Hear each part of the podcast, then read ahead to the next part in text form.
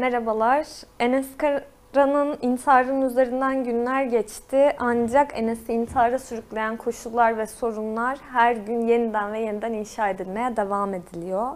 Ve binlerce genç, kadın ve çocuk bu cenderenin içine sıkıştırılıyor. Enes'in intiharı tarikat yurtlarını ve aslında tarikatlara sağlanan imkanları bir kere daha gündemimize getirdi. Biz de bugün e, programımızda editörümüz Hilal Tok ile birlikte hem e, tarikatların özellikle kadınların yaşamlarını nasıl sardığını ve aynı zamanda tarikatlara sağlanan imkanların nasıl arttığını, etkilerinin nasıl arttığını konuşacağız. Merhaba Hilal. Merhabalar. Şimdi ilk olarak Türkiye'de tarikatların nasıl bir etki alanına sahip olduğuna, daha doğrusu nasıl bir e, üye sayısına sahip olduğuna baktığımızda 2018'de e, Profesör Doktor e, Eser Gül Balcı'nın raporuna göre 2.6 milyondan fazla kişinin tarikatlar ve cemaatlerle organik bir bağı bulunuyor ve bu da sadece bilinen rakam ve bu rakamın da üzerinden aslında oldukça yıl da geçti ve bu son süreçlerde ortaya çıkan bilgiler ışığında tarikatlara çeşitli e, maddi desteklerin, maddi yardımların nasıl yapıldığı daha da çok ortaya çıkmaya da devam ediyor. Şimdi şeyi sormak istiyorum ilk olarak sana. Yani böylesi bir sayıya bu kadar çok kişiye bu tarikatlar nasıl, hangi imkanları kullanarak ulaşabiliyorlar ve ne zamandan beri etki alanları genişleyerek artıyor? Ya e, tabii biz tarikatları özellikle gündemde işte e, bugüne dek Ensar'daki tecavüz vakaları, Süleymancılar'da neredeyse her yıl yurtlarında, kurslarında, orta Kur'an kurslarında ortaya çıkan e, çocuğa yönelik taciz, tecavüz ve şiddet vakalarında ya da işte en son Enis Kara'nın intiharı, daha öncesinde Antalya'daki cemaat yurdunda başı kesilerek öldürülen e, bir çocuğun e, gibi gündemlerle aslında sürekli e, duyuyoruz, sürekli gündemimize geliyor. Bir taraftan tabii sadece kadın ve çocukların yaşamlarına nasıl sirayet ettiğini ve nasıl bir çembere aldığından ve baskıladığından, nasıl sonuçlar yarattığından ziyade aynı zamanda devlet içerisindeki yapılanmasıyla da karşılaşıyoruz. Yani bunun örnekleriyle nelerin peşkeş çekildiğini, nasıl teşvikler yapıldığını, devlete ait arsaların, bina, belediyeler belediyelere ait binaları nasıl peşkeş çekildiğini çok cüzi miktarlara vesaire şeylerin çokça kez gündeme geldi. Duyduk bunları. Ee, bu tabi devletle e, işbirliği içerisindeki tarikatların devlet içerisinde nasıl bir kadrolaşma ve yapılaşma içerisinde olduğunu da ortaya koyan e, ve toplam olarak devlet içinde varlığını sürdüren bir hale aldığını da gösterir vaziyette tüm bunlar. Bu yüzden de aslında tarikatları bugün ve her gün aslında konuşmak önemli. E, bir de layık meselesiyle tartıştığımızda kadınların ve özellikle kadınların ve çocukların toplam olarak e, yaşamını sirayet eden bu baskı rejiminin de e, etkisiyle e, bütün bir yaşam tarzına değil sadece aynı zamanda haklarına dönük saldırılara da kadar giden bir vaziyet varken tekrar tekrar gündeme almak gerekiyor nasıl bununla mücadele edeceğimizi.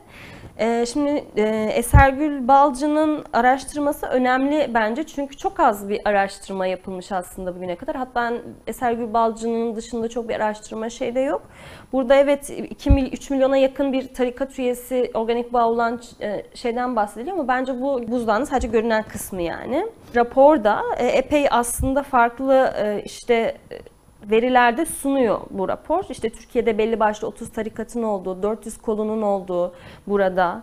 İşte sadece İstanbul'da açıktan faaliyet yürüten 445 tane tekke sayısının olduğu. Özellikle Siirt, Diyarbakır bölge illerinde, Adıyaman'da, Batman'da, Muş'ta, e, buralarda e, cemaat ve tarikatlere ait 800'ün üzerinde faal medrese yürütüldü. Bu gibi e, şeyler var. İstanbul'da apartman medresesi olarak e, kullanılanların sayısı hiç bilinmiyor bile. Ki İstanbul gibi büyük bir şehri düşündüğümüzde bunun çok uçuk rakamlara gelebileceğini düşünebiliyoruz aslında, öngörebiliyoruz. Burada tabii kadınlar ekseninden de konuşacağımız için burada tarikatlerde ve cemaatlerde kadınların mensubu olduğu, ne kadar mensup olduğu ya da ne kadar üye olduğu, ne kadar bir bağ içerisinde olduğuna dair hiç veri yok neredeyse. Yani hiç yok yani. E, o yüzden de kadınların buradaki durumunu net bir ortaya koyan bir araştırma şeyi de yok.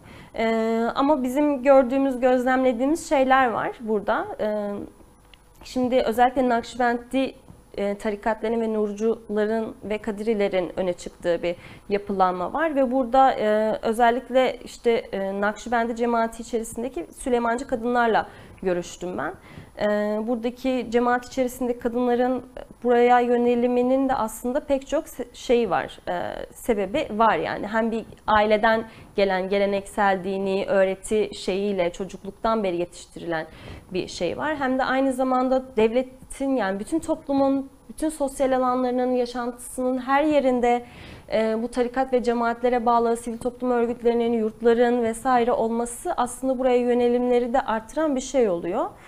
E, buradaki en çok konuştuğumuz şeylerden bir tanesi yurt ama bir taraftan işte ilim yayma cemiyeti vesaire gibi şeylerle e, böyle STK'lar yoluyla işte yardımlar, gıda yardımları yoluyla da e, buralardan ilişkiler kuruluyor. E, mahallelerde özellikle yoksul kesimlerdeki kadınların hem yardım arayışları sürekli zaten kendi gündemlerinde ama aynı zamanda bir kamusal alan arayışı, bir var olma şeyi açısından da tarikatlar buralarda bir köprü oluşturabiliyorlar. E, böyle bir yönelim şeyinden bahsedebiliriz. Ben de aslında tam olarak sana onu soracaktım. Yani bu tarikatların bir parçası olan kadınlar bugün de aslında dün de çeşitli ekonomik kaygılarla işte çocuğun bakım yükünden tutalım çeşitli sosyal yardım ihtiyaçlarına ya da kamusal alanda bulunmaya dönük her türlü engellemenin olduğu bir atmosferde yaşıyorlar. Ee, ve e, biraz aslında bu tarikatın bir parçası olma motivasyonu onun hayatında eksik kalan nereleri tamamlamasına dönük bir motivasyonla buranın bir parçası haline gelebiliyor. Onu sormak istiyordum. Tarikatların biraz iç yüzüne bakalım. Yani görüştüğüm kadınlar e, tarikatların içindeki yaşantılarını nasıl anlatıyorlar? Buradan ayrılmaya çalışan kadınlar nasıl engellerle karşı karşıya kalıyor? Bu katılma motivasyonlarının ne kadarı karşılayabiliyorlar aslında. O ihtiyaçların ne kadarına denk düşebiliyor? 2015 yılında Fatma Baynal'ın bir araştırması var. Bence bu önemli bir araştırma çünkü çok önemli veriler sunuyor hakikaten de. 50 kadın görüşmeciyle 5 farklı cemaatten kadınlarla görüşüyor. Ee, bunlar arasında Menzil Tarikatı, Rifai Tarikatı, Süleymancılar ve Gülen Cemaati mensubu 50 kadın var.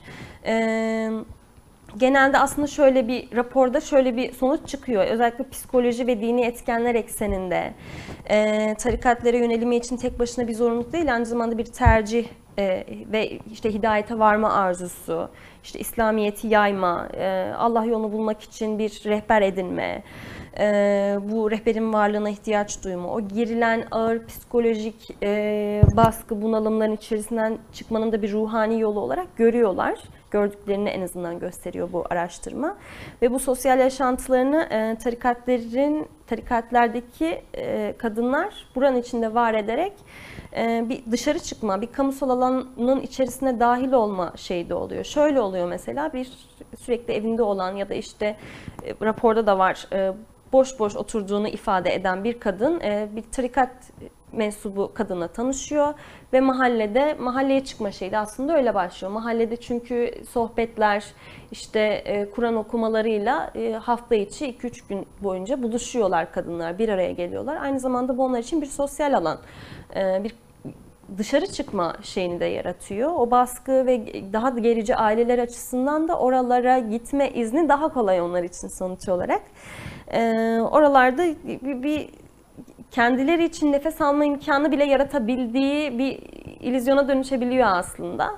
Ee, o yüzden de böyle şeylerle yönelenler var bu sosyal ihtiyaçlarını karşılamak için. Aynı zamanda bu raporda söylenenlerden bir tanesi de mesela e, kadınların sık sık dile getirdiği şeylerden bir tanesi işte aile içinde yaşadıkları sorunlar, işte çocuğunu kaybeden kadın, işte psikolojik bunalımlar içerisinde olan kadın, hani kendi psikolojik şeyini değiştirmek için daha çok işte ibadete ve şeye yönelme, bu e, tasavvufa yönelme haliyle biraz daha buralara yönelme şeyi oluyor. Birazcık o girdaptan çıkma çaresi olarak görüyor kendisini. Çünkü dünyanın maddi varlığından uzaklaşıyorsun bir yanıyla aslında o tasavvufi hayatı sadece kendine bir çerçeve görerek. O maddi dünyanın gerçeklerinden uzaklaşma halinde bir yanıyla doyurucu şeyi de yaratabiliyor. Ama bu bir taraftan tabii ki hayatın gerçeklerini kapatan bir şey olmuyor. Sonuçta o yoksulluğu, o şeyi yaşamaya devam ediyor.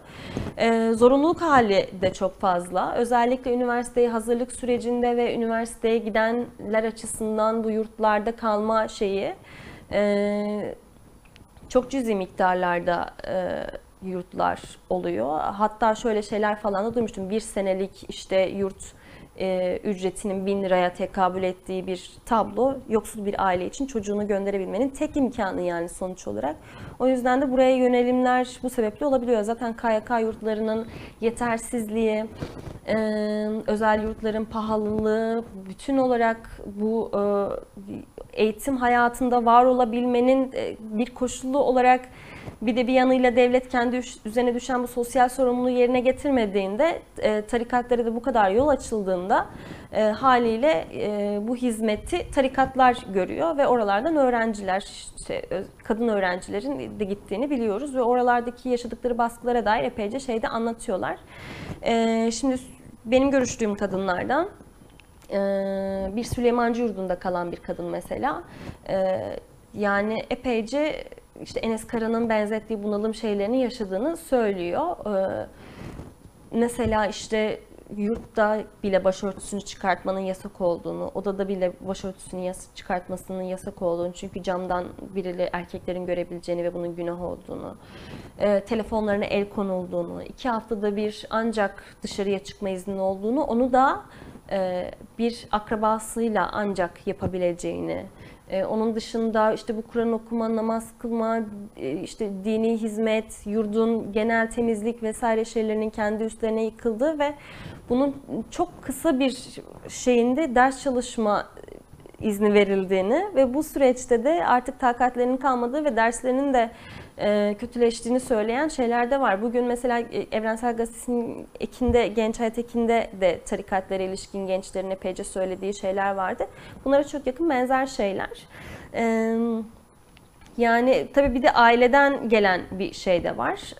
Yani aile eğer bir tarikat mensubuysa çocukları da işte o tarikatın ideolojisiyle yetişiyor bir yanıyla. İşte küçüklükten beri yurda, medreselere, işte Kur'an kurslarına gönderiyorlar ve bütün hayatına sirayet eden şey o oluyor. Başka bir hayatın mümkün olamadığını da görüyor bir yanıyla, başka bir hayatın olmadığını da görüyor. Çünkü çok dar bir alanda yaşıyor yani.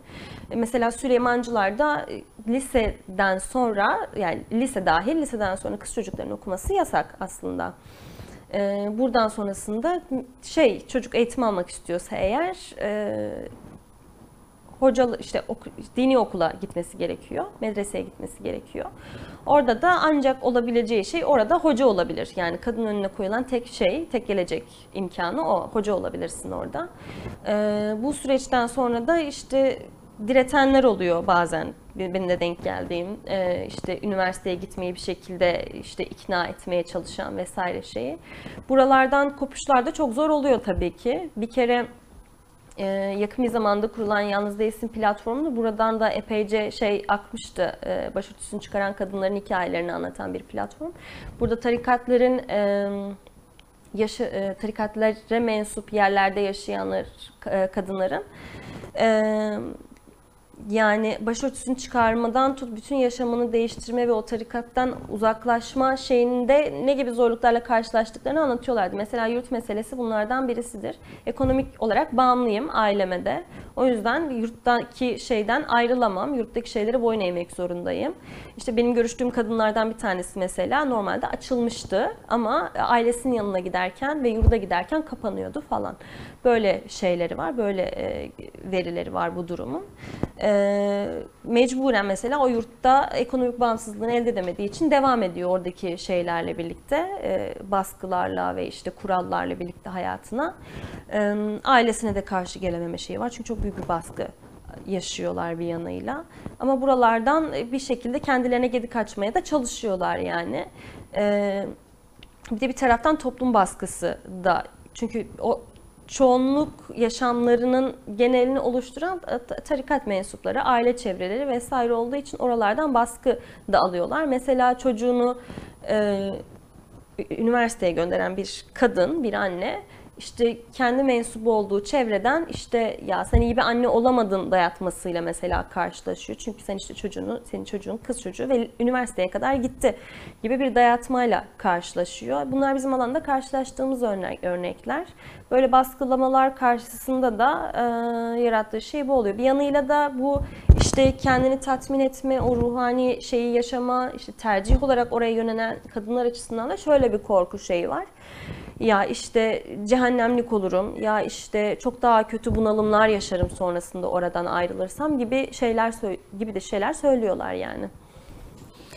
Şimdi o zaman biraz bu yurt ıı, şeyini açtığımızda, yurt olanaklarını açtığımızda karşımıza şöyle rakamlar çıkıyor. Ee, şimdi KYK yurtlarının 2020-2021 eğitim dönemindeki toplam sayısı 773 iken son 10 yılda vakıf yurtlarının sayısı 3'e katlanıp 592 olup aslında KYK yurdu yani devletin sağladığı e, ucuz barınma imkanını sayısal olarak çok yaklaşmış bir yerde duruyor. E, şimdi zaten sen de bahsettin bunun bir barınma mecburiyetine dönüştürülmesi ve açık bırakıldığı bir yer var devlet tarafından yani ucuz barınma ama biz bunu Eylül ayında bile aslında ne kadar çok görmüştük. Yani e, kalacak yer bulamadığı için şiddet gördü ailelerine dönen, şu anda mecburen cemaat yurdunda kalmak zorunda kalan gibi gibi pek çok genç kadın vardı. Ve tabii KYK yurtları da çok boş bırakılmıyor ve oraya da Diyanet İşleri Başkanlığı'nın atadığı manevi danışmanlar yerleştiriliyor şu anda da. E, bir süredir de böyle bir uygulama da var. E, özel eğitimde olan e, öğrencilerin üçte biri de tarikatlar tarafından da eğitiliyor. Aslında baktığımızda eğitim, barınma gibi çeşitli ihtiyaçlar buralar tarafından o boşluklar tutuluyor.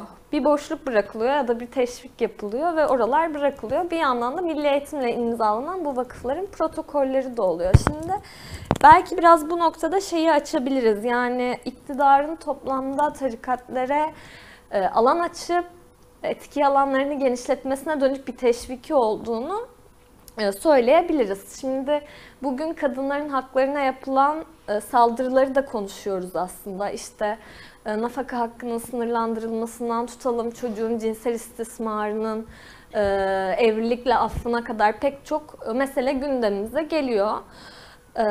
Şimdi bu toplam tarikatlara verilen teşvikler, onlara açılan alan iktidar açısından ne anlama geliyor? Nasıl bir hedefe, nasıl bir amaca hizmet ediyor?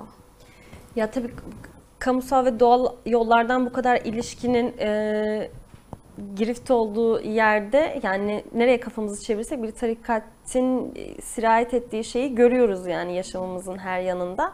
İşte barınmadan tut da işte bugün haklarımıza yönelik saldırılarda bile bugün 6284'ün hedefinin arkasında olmasında da İstanbul Sözleşmesi'nin feshedilmesinin tabanında da temelinde de e, bugün nafaka hakkı ve medeni haklarının tırpanlanmasında da aslında bunun şeylerini görüyoruz. Şimdi bizim kadınlardan aldığımız dönüşlerden şöyle de bir şey var. Medeni hakların zaten alanda ya kadınların yaşamında e, yani çok un ufak hale getirildiğinin zaten kendi yaşamlarından çok net bir biçimde görüyoruz yani. iki eşlilikten tut da imam nikahın bu kadar yaygınlaşması, işte nafaka hakkının zaten olmasına rağmen bunu alamayacak biçimlerin yaratılması e, vesaire şeyi bu e, mu zaten fiiliyatta gördüğümüz bir şey oluyor ama sonuç olarak yasal olarak bizim bu haklara sahip olmamız bizim bir kazanımımız ve e, bizim için de bir mücadele alanı aynı zamanda bir hak.